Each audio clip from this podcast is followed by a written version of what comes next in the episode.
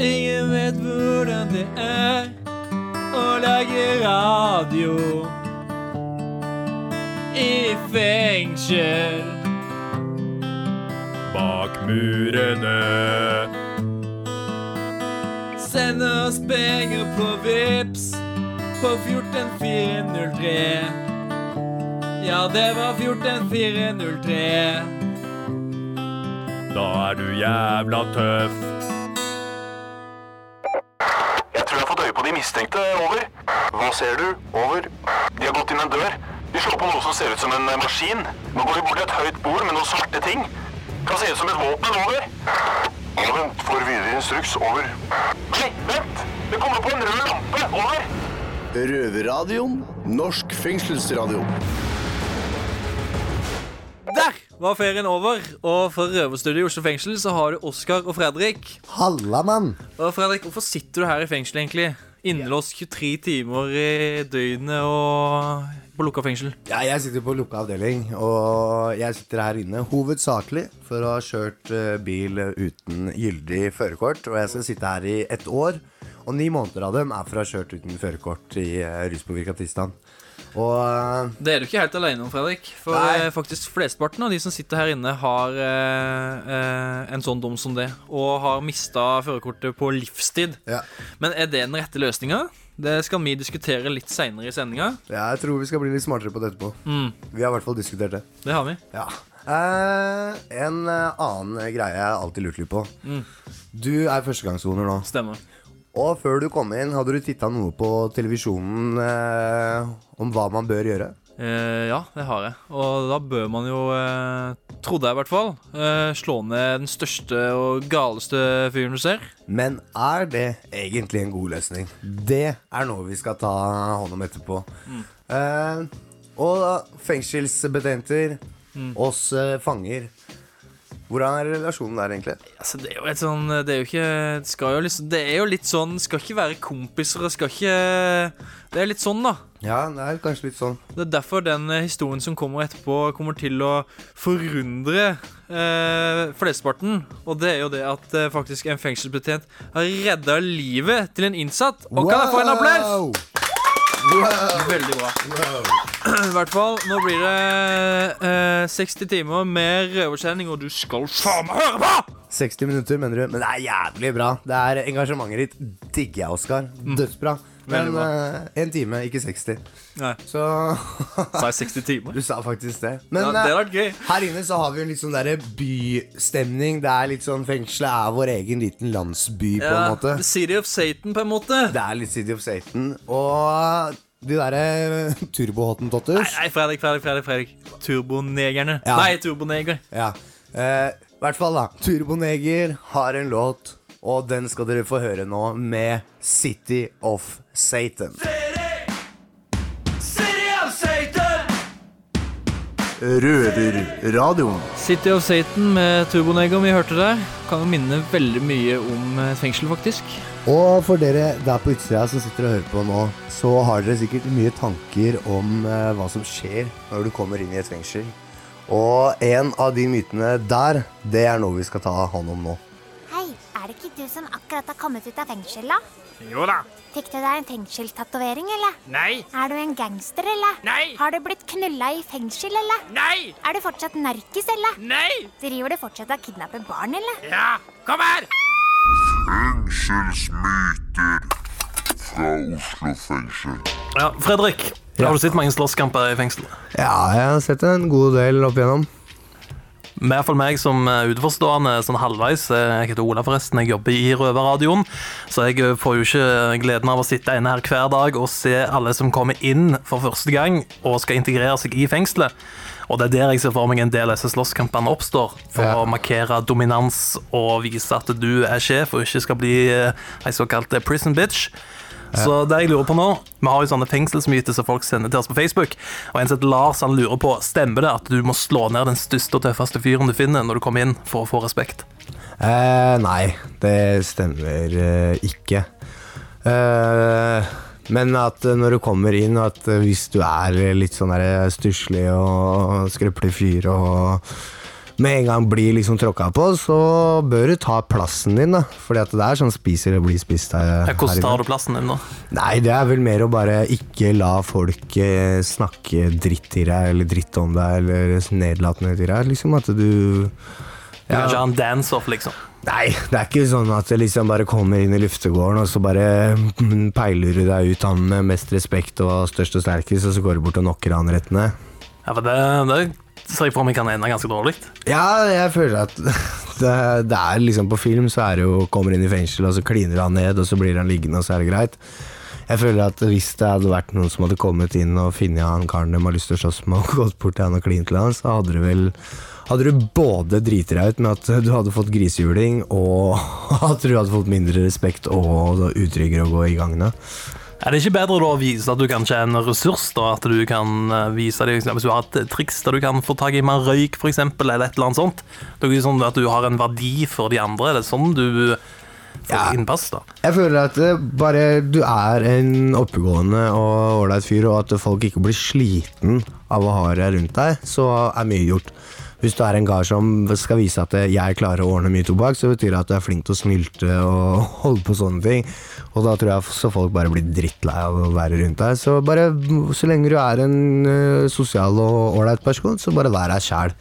Men eh, å prøve å tøffe seg og ta en plass som du egentlig ikke fortjener, da går det bare negativt utover deg sjøl, tenker jeg. Du da, når du var første gang i fengsel, eh, gikk du rett bort til den største og den tøffeste og smekka til han? Nei, når jeg kom inn første gang i fengselet, så blei jeg egentlig tatt ganske godt eh, hånd om. Jeg var eh, 15-16 år og kom inn og var rolig og var meg sjæl, så folk kom bort og at jeg rett og slett bare begynte å snakke og interessert, og, så det gikk egentlig jævlig bra. Ja. Så er det den der han eh, markerer dominans, er litt sånn USA-film-ting. Det er vel eh, Det selger sikkert, så det er kult å skrive om og, og vise på film, men det er ikke sånn det er i virkeligheten. Så da kan du legge kampsporttimene på hylla om du skal inn til soning. Du skal nok slippe å markere dominans eh, for meg en gang. Bare vær deg sjøl, vær hyggelig. Det er jo ikke verre enn det. Nei, helt klart. Eh, jeg føler at nå er det min tur til å ta en eh, låt her, så jeg har en låt som er jævlig ålreit, og det er Ross med 'Goodbye'. Røverpodkast. Der hørte vi Ross med 'Goodbye', men det er jo ikke helt goodbye enda. Nei, for litt seinere i sendinga så skal vi høre om eh, en historie mellom en innsatt og en betjent. Men det er ikke en helt eh, vanlig historie, for å si det sånn. Hold dere fast. Men først så skal vi høre om noe helt annet, for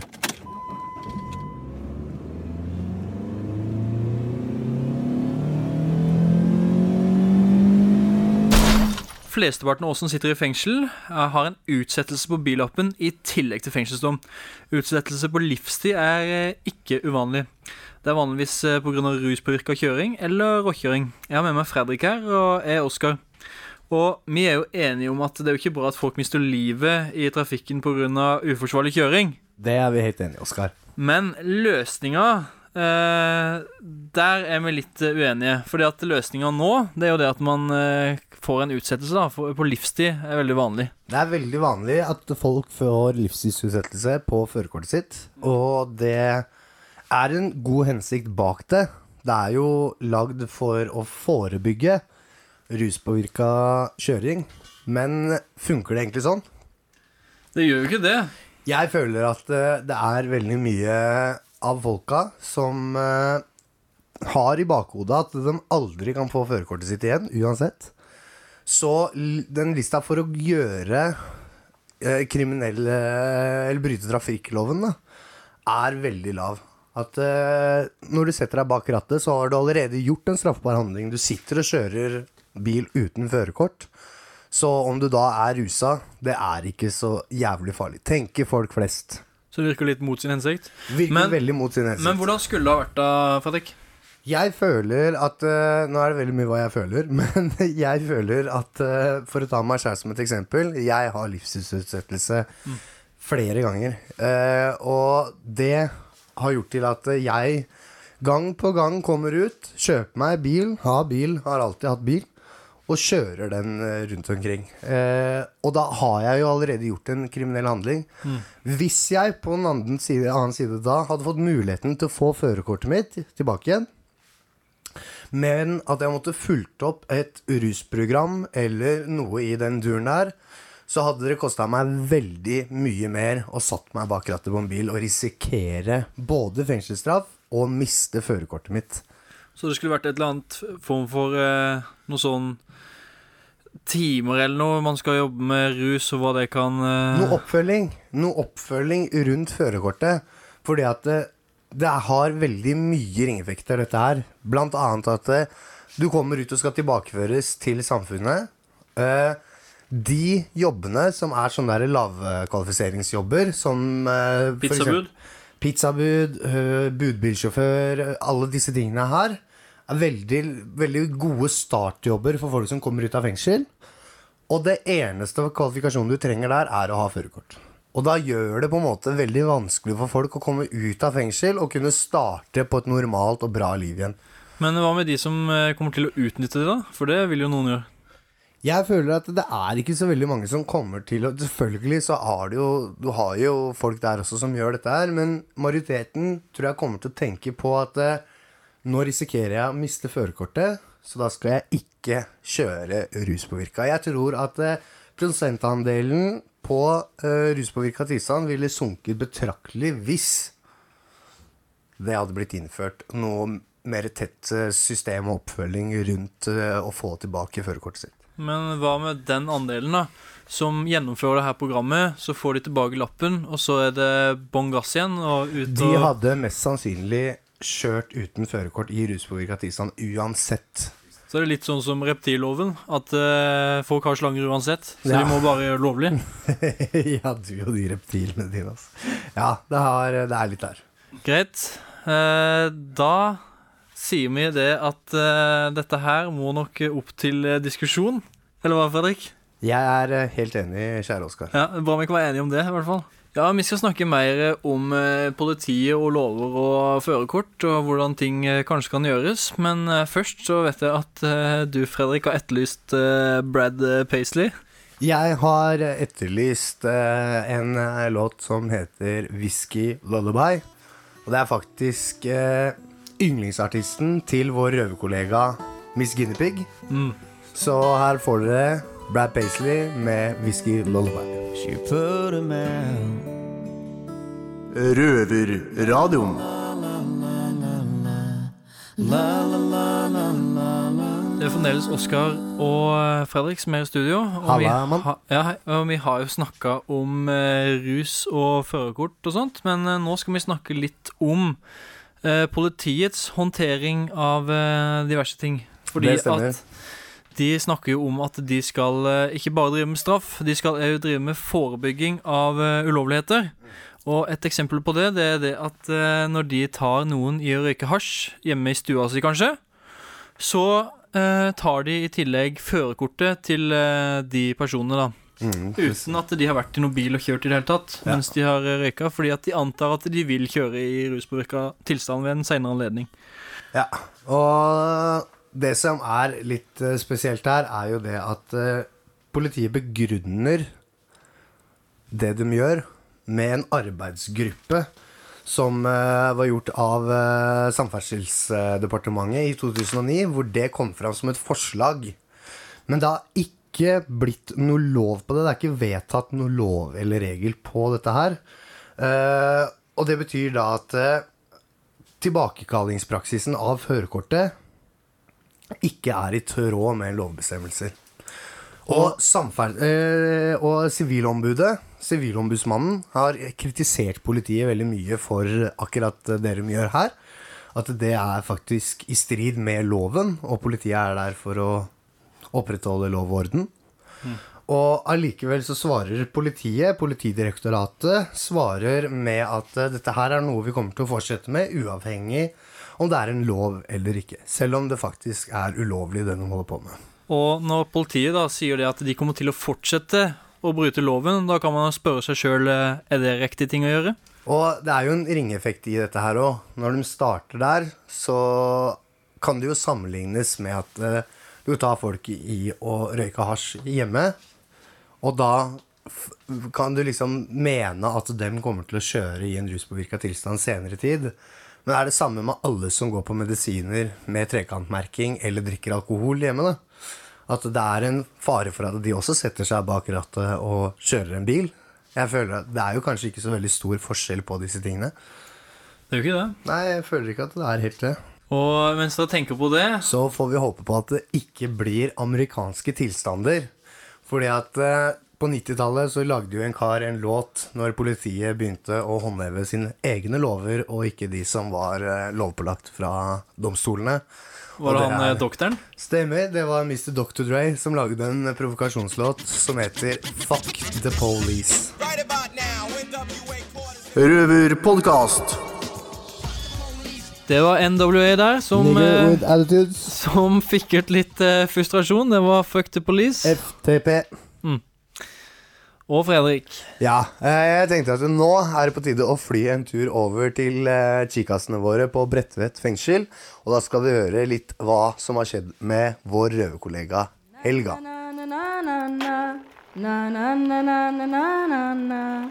Breitveit kvinnefengsel. Like viktig som smør på skiva. Som oftest når man hører at innsatte snakker om betjenter, så er det ikke mange fine ord de bruker. Men i dag så skal vi få en litt annen historie. Jeg heter Martine, jeg er redaksjonssjef i Røverradioen, og jeg sitter her med røveren vår Helga. Ja, hei. Hei. Og Helga, eh, du fortalte meg eh, om en betjent som redda livet ditt. Hva var det som skjedde? Uh, det er veldig spesielt dag det skjedde. Og jeg husker det som det skjedde i går. Jeg kom fra retten, og jeg ble erkjent skyldig. Eh, det svartnet for meg. Jeg Jeg var bortreist. Jeg, jeg klarer ikke forklare dette. Det var sånn at alt stoppet i livet mitt. Og jeg hørte, så ikke. Jeg visste ikke hva foregått rundt meg. Det var bare en tanke som, som var i hodet mitt. Og det var at nå er det nok. Mm. Du vil ikke leve lenger. Jeg vil ikke leve lenger. Og da var jeg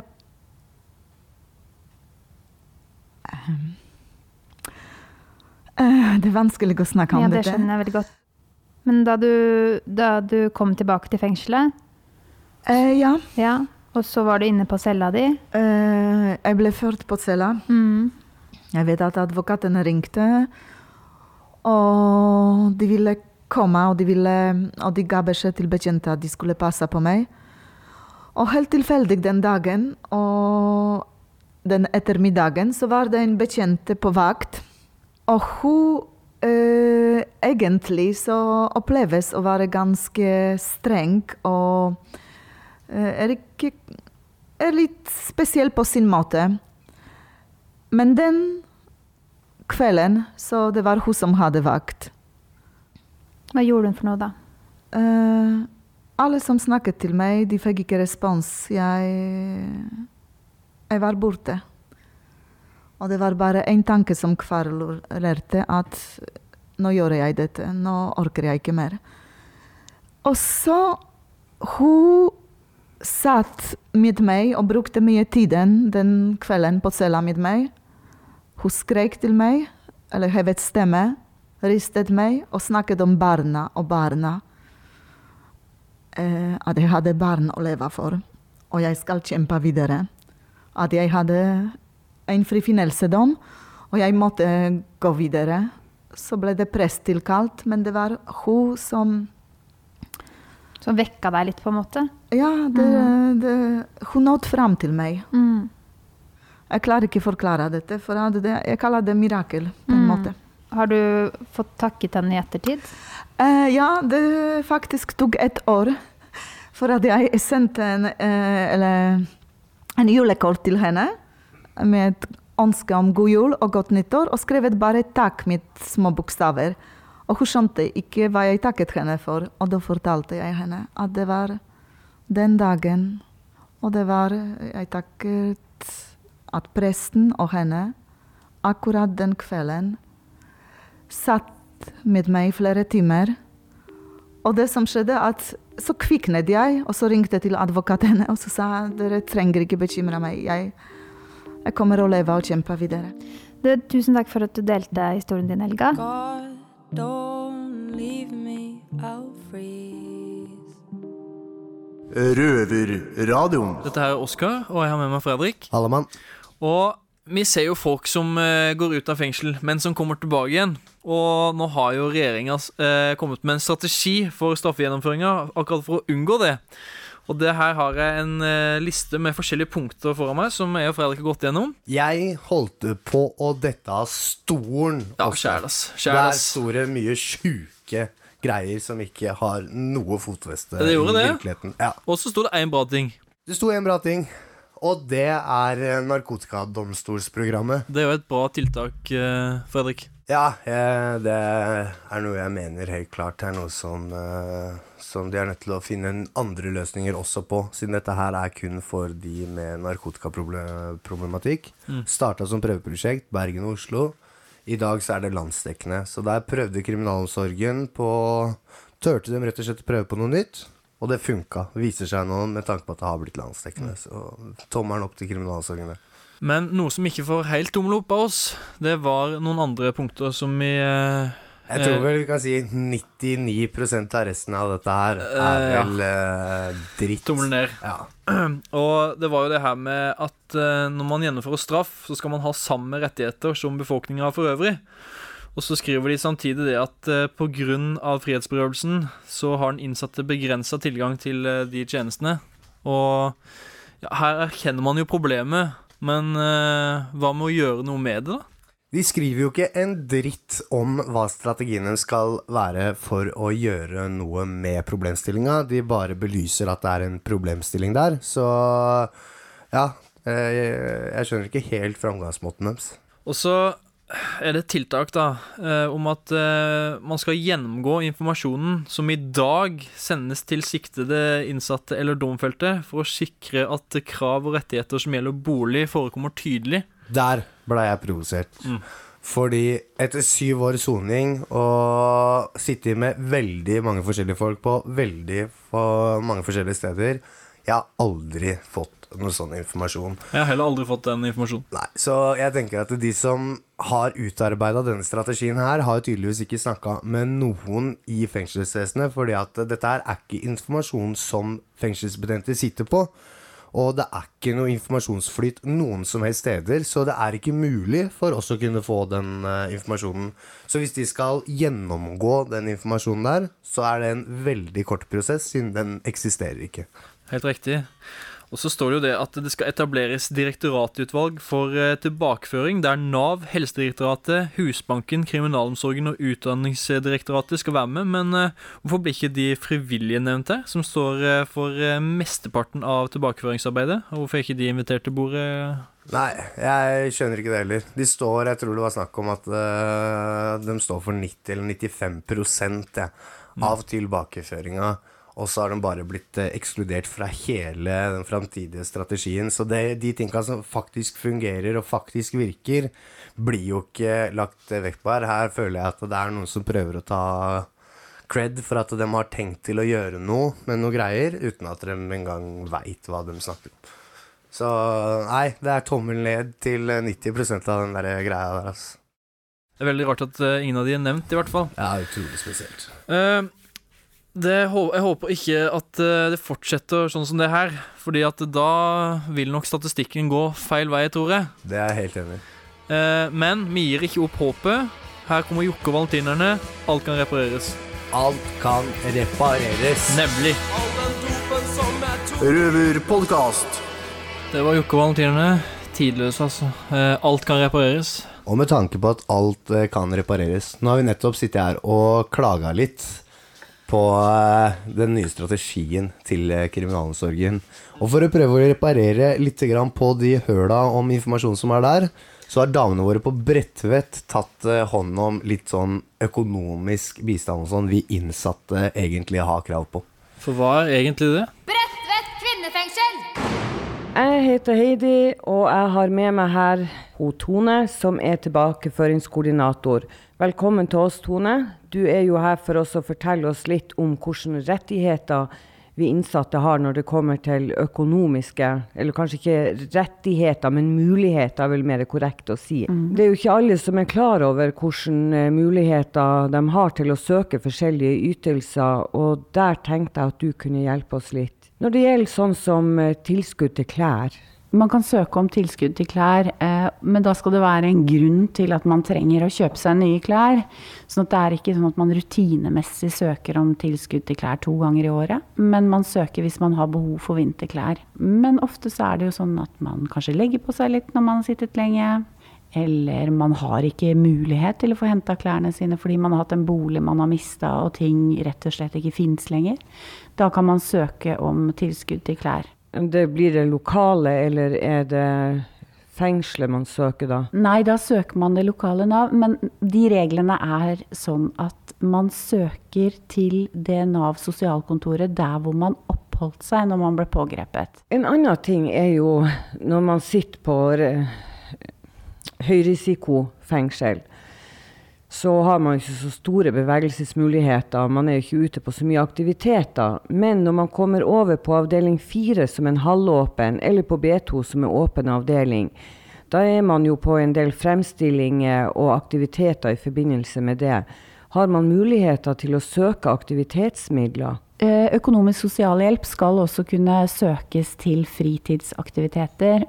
Men det gjøres jo helt individuelle vurderinger. sånn det er ikke sånn at om én får kanskje en tusenlapp i måneden til deg, så er det ikke sikkert den andre får det. Det, eh, det første kravet er jo at du ikke har egne midler. Men det er kjempebra at det finnes en mulighet. Og en annen ting, det er jo sånn som jeg. Jeg kommer jo fra en annen landsdel. Og jeg vil jo gjerne hjem og besøke familie og venner. Hvilke muligheter har jeg da til å få dekt hjemreise og sånt? Hvis du har midler selv, så må du dekke hjemreisen. Eh, Du kan jo søke om å få dekke hjemreise på permisjon. Men eh, når man skal eh, begynne å nærme seg løslatelse, Mhm. så er det jo mange som du var inne på i sted, som kanskje ikke har noen ting. De har sittet inne lenge, de har, ikke- de har mista bolig, de har mista eiendelene sine og sånt. Og har jo da behov for både bolig og eventuelt invitar, hvitevarer og sånt. Hva kan de gjøre for å skaffe seg det? Det er viktig å ha en dialog med hjemstedskommunen sin fra tidlig i soninga, sånn at man, man har en, en felles tanke om hva som skal skje ved løslatelsen. Og da kan man, hvis du ikke har noen ting, så søker du om etableringsstønad til å få hvitevarer og til å få møbler, og, og du kan søke om å få dekka utgifter til husleie. Um, hvis du leier på det private markedet, du kan søke om kommunalbolig. Eller eventuelt hvis du kommer ut og har uføretrygd, så, så kan du jo også søke om et etableringslån og et etableringstilskudd og kjøpe bolig. Så det fins mange muligheter. Og da vil jeg si tusen takk til deg for at du tok deg tid å komme hit og opplyse oss. Så er vi kanskje litt klokere. Røverpodkast. And, and androids. Hæ? Hold kjeften på deg, Oskar. Nei da. Dette her er eh, Fredrik. Jeg står her sammen med Oskar fremdeles. Og nå har hun feite dama synget, og det betyr at denne sendinga her nærmer seg slutten. Og Oskar, i dag så har vi jo snakka litt grann om strategien og greier. Hva, hva syns du om det? Nei, altså Jeg håper jo det, for jeg ble litt berørt av den, jeg ble litt berørt av den diskusjonen vi hadde. Og jeg håper det at eh, det kommer litt opp i systemet, da så de kan få prate om det her, eh, de som faktisk kan gjøre noe med det. Amundsen eller noen av de gutta der. Jeg er helt enig. Jeg syns faktisk en gang i framtida at vi skal dra med oss en av disse gutta her inn i studio, som har hatt ansvaret for å utarbeide denne strategien, og rett og slett sette dem litt på plass. Mm, konfrontere det litt. Ja, det er, eh, det er noe jeg føler at vi er nødt til å gjøre. Eh, men eh, vi er jo tilbake om en uke, Oskar. Det er vi. Hva skal vi ta for oss da? Da skal vi ta for oss det. Altså, vi som eh, er kommende tidligere kriminelle, og i tillegg har mista lappen på livstid Vi får oss ikke jobb som eh, pizzabud engang. Så hva kan vi egentlig bli, vi som har sittet inne? Det er faen meg noe jeg har lurt lenge på, faktisk. Hva er det man absolutt ikke kan bli, og hva er det man kan bli? Men det kan jeg love deg at vi skal finne ut. Ja. Neste, neste uke, så faen meg, da får vi, da får vi finne ut av dette her. Altså. Mm. Eh, hvis du ikke klarer å vente, hva skal du gjøre? Nei, altså, da kan du høre podkasten vår på iTunes.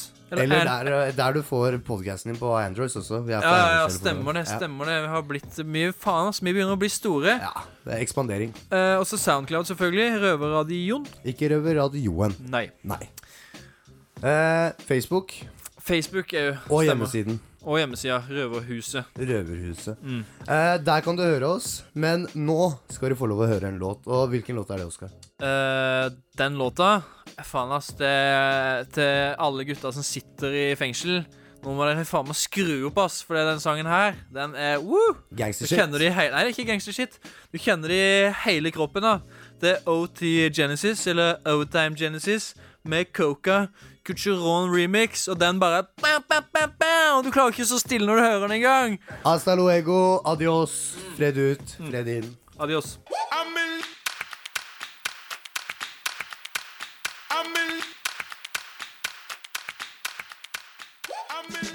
Du har akkurat hørt en podkast fra Røverradioen. Du hører oss hver fredag klokken 18.00 på Radio Nova og alltid på røverhuset.no.